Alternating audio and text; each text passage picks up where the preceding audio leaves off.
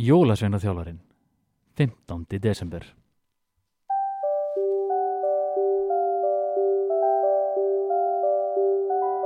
Velkomin á jólabraut þrjú Gaktu í bæinn og látt eins og þú eigir heima hér Því allir eru velkomnir í desember Stúfur opnaði dyrnar sunglandi þegar Hallur bankaði upp á. Afi hafði sendt Hall til Stúfs með skó sem þeir hafði fundið úti í skóginum. Það fór ekkert á milli mála hver átti þennan litla skó. Það var bara einn jólasveit sem gætt passað í hann.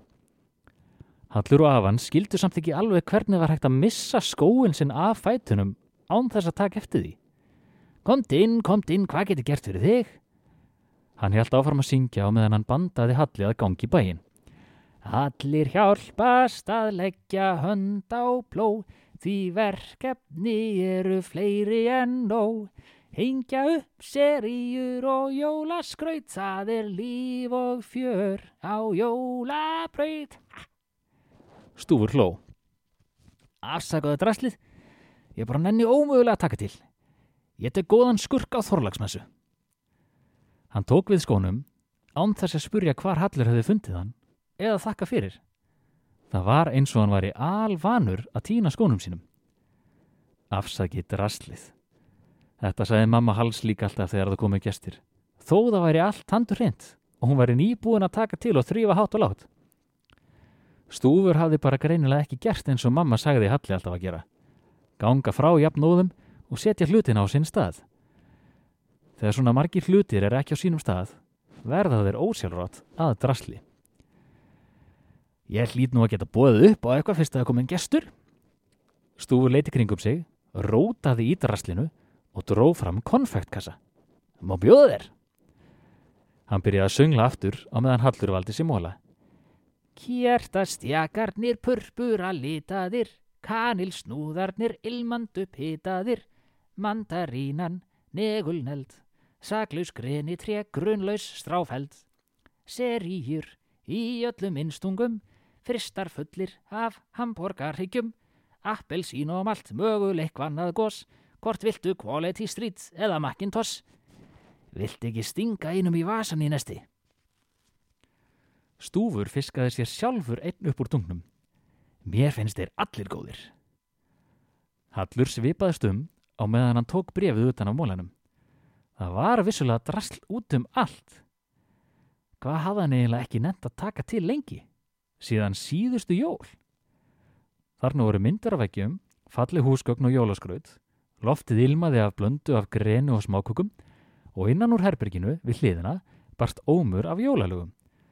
Það var örglega bara mjög hugulegt hana, ef maður tæki til. Einhvern veginn hafði Hallur alltaf ímyndað sér að jólasveinanir byggju í helli. Það var greinilega algjör villisa. Hann sá þá fyrir sér alla saman í einum stórum helli á samt grílu og leppalúða. Blind bylur fyrir utan. Ganski bjögguðu þeir svoleiðis einhver tíman, einhver tíma fyrir að langa löngu, en allavega ekki lengur. Hér áttu þeir allir sinn kofa og gríla og leppalúði dvöldu vist í setni tíð meir hluta vetrar í hlíunni á Kanaríegjum. Hallur horfi á stúf þar sem hann hlammaði sér ofan á draslið í sófanum. Hann hafði ótt velt fyrir sér hvað stúfur væri eiginlega stór og þarna hafði hann svarið. Þeir voru álíka stórir. Stúfur var meiri sér kannski aðeins minni. En Hallur var líka bara strákur. Stúfur var lítill kall með skegg og bumbu og ennþá bara í einum skó. Hallur horfið í kringum sig.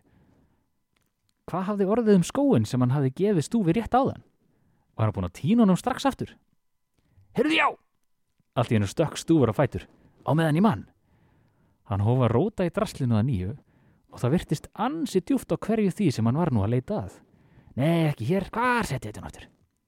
Stúfur talaði við sjálfum sig á meðan hann bógraði og gramsaði og gramsaði. Hérna!